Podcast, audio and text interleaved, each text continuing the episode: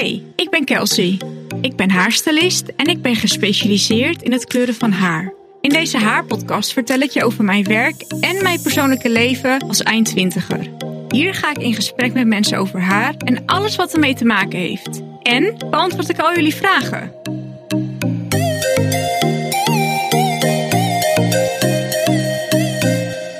Dit is de Haar Podcast met Kelsey van Leeuwen. Hallo, wat leuk dat je weer luistert naar de tweede aflevering van de Haar Podcast. Ik hoop dat je de vorige hebt geluisterd en dat je dat leuk vond om te doen. Ik vond in ieder geval heel erg spannend om deze online te, te zetten. In de tweede aflevering wil ik jullie gaan meenemen in wat uh, vragen die jullie hebben ingestuurd, maar die ik eigenlijk ook heel veel krijg in de salon. Uh, en het is eigenlijk altijd wel een rode draad die daarin uh, in loopt. Dus de vragen die ik vandaag wil behandelen zijn: wat voor haartype heb je eigenlijk en hoe weet je nou welk haartype jij hebt? En ik wil de vraag: wat zijn nou parabenen, sulfaten en siliconen met jullie bespreken? Want dat zijn uh, tegenwoordig natuurlijk best wel uh, de boosdoeners, wat je heel veel ziet in de media. Dus laten we beginnen. Hoe bepaal je nou eigenlijk wat jouw haartype is? Ik ga hier mijn visie opgeven. Ik vind dat je vier soorten haarstijlen hebt. En vaak zijn deze ook heel erg gecombineerd met elkaar. Maar laten we beginnen met uh, het kroeshaar. Dit wordt ook wel afro of black hair genoemd. Het is eigenlijk een hele andere tak van sport. En ik zie dit ook niet heel vaak in mijn salon, of eigenlijk nooit in mijn salon voorbij komen. Omdat het zo specialistisch werk is, um, heb je ook veel van die black hair salons waar ze echt precies weten wat ze doen en waar ze eigenlijk niet anders doen. Hoe herken je nou kroeshaar? Het is vaak krullend, donker van kleur en het bevat veel volume. Je ziet het vaak bij Surinaamse en Antilliaanse mensen. En die hebben daar ook echt hun eigen recept voor hoe ze daar eigenlijk mee, hoe ze daarmee moeten omgaan. Dat gaat zo um, de hele familie vaak rond. Wel heeft het de neiging om echt te gaan krimpen. En daarom is het echt belangrijk dat je dat haar laat knippen bij iemand die er echt gespecialiseerd in is. Want anders kan het gewoon vaak veel te kort worden. En dat is natuurlijk heel erg zonde.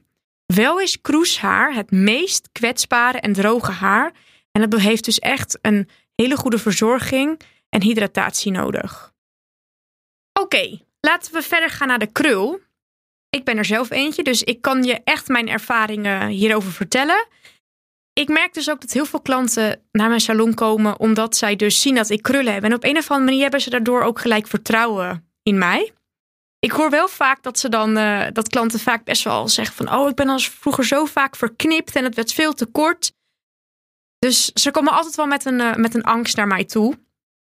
Uh, maar omdat ik dus zelf krullen heb, weet ik gewoon heel goed wat je wel en wat je niet moet doen. Krulhaar is snel droog en dat zie je ook aan de pluis. Je moet echt gewoon goed weten hoe je ermee moet omgaan. Ik ga hier nog een andere aflevering over maken waar ik er dieper op zal ingaan en waar we het ook gaan hebben over de CG-methode en wat ik daarvan vind. Ik merk dus dat krulproducten bij mij echt geregeld veranderen. Dat het ene moment het wel lekker zit en het andere moment niet.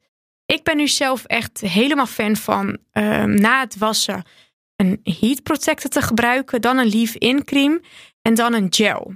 Je denkt gel, wat gek, het wordt hard. Ja, dat dacht ik ook, maar daardoor is de pluis echt veel minder. Daarna gebruik ik een air diffuser op de föhn en uh, merk je gewoon dat er echt super veel volume in komt. Maar nogmaals, hier komt een speciale aflevering over. Dan gaan we nu naar het haartype de slag. Dit is eigenlijk wat tussen stijl en krul inziet. En wat ik vaak zie in de salon is dat de ene pluk dan meer stijl is en de andere meer gekruld. En dat het eigenlijk nooit hetzelfde zit. Wel merk ik dus dat heel veel klanten dan naar mij toe komen dat ze zeggen: Kels, ik heb goede producten nodig, want mijn haar is uh, beschadigd.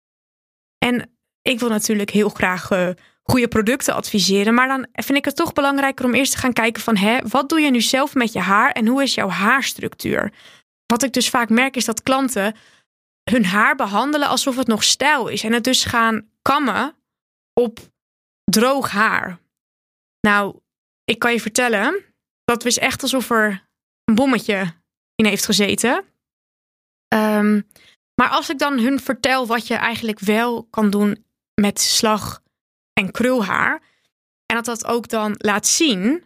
met advisering van de juiste producten, dan merk je gewoon dat ze echt versteld staan van wat voor haar ze eigenlijk hebben. En dan zeggen ze vaak: Jeetje, ik wist helemaal niet dat ik zoveel slag of krul in mijn haar heb.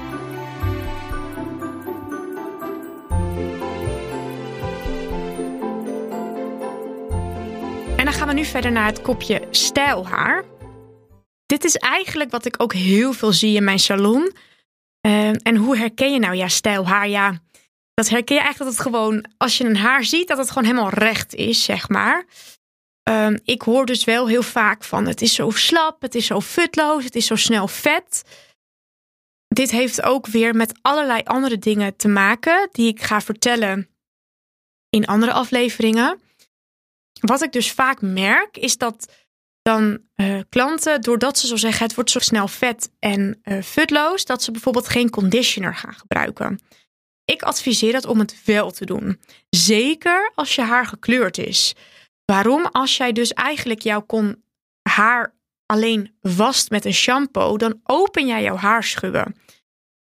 Wanneer je dat dus daarna geen conditioner gebruikt, uh, blijven die haarschubben openstaan. Met als gevolg dat, het snel, je sneller haarbreuk krijgt, het sneller gaat pluizen en dat je eigenlijk je mooie kleur heel snel verliest omdat het helemaal open staat. Ik denk dat dat ook een mooi overstapje is gelijk naar de volgende vraag. Waar ik het zo meteen over ga hebben over parabenen en sulfaten en siliconen. Um, dat is eigenlijk waar mensen met stijl haar veel last van hebben. Dat ze gewoon niet zo goed weten wat voor producten nou goed bij hun haar past. En daarom dus de klachten krijgen van het is snel vet, futloos, ik weet niet wat ik ermee moet.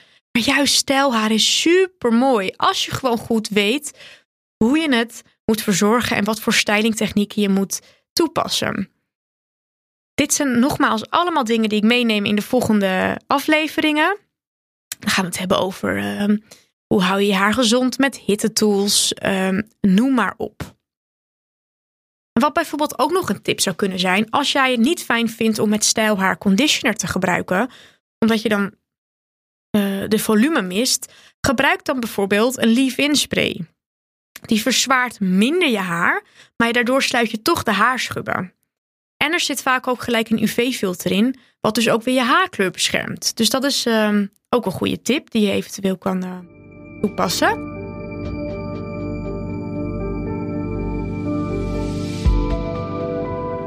Dan neem ik jullie nu mee naar de tweede vraag. En deze vraag is: wat zijn nou eigenlijk parabenen, sulfaten en siliconen? Dit zijn drie bestanddelen die we tegenwoordig het liefst eigenlijk allemaal willen vervloeken.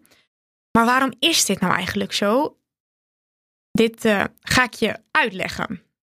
Laten we beginnen met parabenen. Parabenen zijn eigenlijk conserveringsmiddelen die gebruikt worden in allerlei producten. Denk bijvoorbeeld dus inderdaad aan jouw haarverzorgingsproducten, maar denk ook aan dagcremes, frisdrank en bewerkt vlees.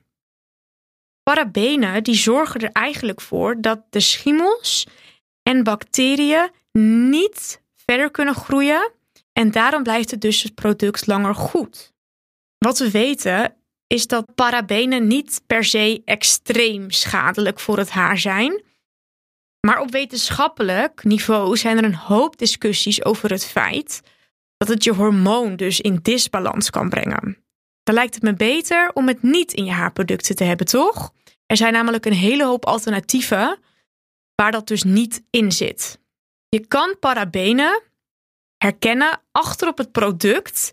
Het zijn vaak moeilijke namen, maar je herkent het dus um, onder de namen bijvoorbeeld ethylparabenen of propylparabenen of methylparabenen. Eigenlijk dus allerlei namen, maar erachter staat dus parabenen. Dan gaan we het nu hebben over sulfaten. Sulfaten zijn ook wel reinigende stoffen, wat ervoor zorgt dat je shampoo of bijvoorbeeld treft van de afwasmiddel lekker schuimt. Het zorgt ervoor dat productresten en talg worden verwijderd vanaf de hoofdhuid.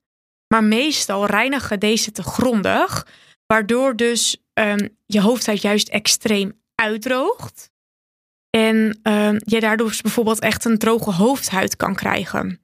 En dan heb ik het nog niet eens over wat voor effect sulfaten hebben op jouw pasgekleurde haar. Ik maak er eigenlijk wel eens een grap over in de salon. Mocht jij nou heel snel van jouw kleur af willen en dan willen dat hij in het doucheputje spoelt, gebruik dan vooral producten met heel veel sulfaten. Dan weet je in ieder geval dat je binnen no time ervan af bent. Natuurlijk super zonde, maar het is natuurlijk uiteraard een grap. En ook wel een leuk weetje. Wist je dat het schuimen van je shampoo helemaal niet echt een effect heeft? Het is puur dat jij en ik denken: oh, het schuimt, dus het zal, zal wel schoon zijn. Maar er zijn gewoon meer sulfaten toegevoegd. En wist je dat uit steeds meer wetenschappelijk onderzoek blijkt dat sulfaten in combinatie met andere ingrediënten in verzorgingsproducten zelfs giftig kunnen zijn en kunnen leiden tot droog en dof haar, met daarbij irritatie van de huid, hoofdhuid en de ogen. Lijkt me niet een heel fijn product dus. Dan gaan we het nu hebben over siliconen. Dit is um, waar ik op doelde tijdens het beantwoorden van uh, de vorige vraag over stijl haar. Siliconen zit dus vaak in goedkope producten. Dus dat kan ook bijvoorbeeld zitten in um, dagcremes. Maar ik heb het nu vooral over haarproducten, uiteraard. Siliconen worden ook wel gezien als vloeibare rubber of plastic. En deze worden vooral toegevoegd aan goedkopere shampoos en conditioner, zodat je haar er gezond uitziet. Maar dat is het niet, want het legt eigenlijk een laagje om je haar heen, waardoor het er wel mooi en glanzend uitziet, maar het sluit zowel je haar als je hoofdhuid af. Met dus als gevolg vet haar, futloos haar en ook ehm, het eigenlijk het afsluiten van juist goede andere producten met uiteindelijk dus geen gezond haar. En wat ook zo vaak, wat ook eigenlijk zo is, stel hè, jij gebruikt bijvoorbeeld een, een, een shampoo of een conditioner die echt veel siliconen bevat. En je gebruikt dat al een hele tijd. Dan is die opbouw van die siliconen zo groot geworden dat er echt gewoon een heel laag rubber of plastic om je haar heen zit. En elke keer als jij dus die shampoo gebruikt, wordt het meer en meer en meer en meer dat zorgt er dus voor dat je haar dus zo, wel er wel mooi uitziet, maar het vooral heel snel weer, uh, weer vet oogt. En dus eigenlijk uh, er geen volume in te krijgen is. Dat noemen ze ook wel een siliconenopstapeling. Siliconen zijn vaak op de verpakking te herkennen aan ingrediënten die allemaal eindigen op konen.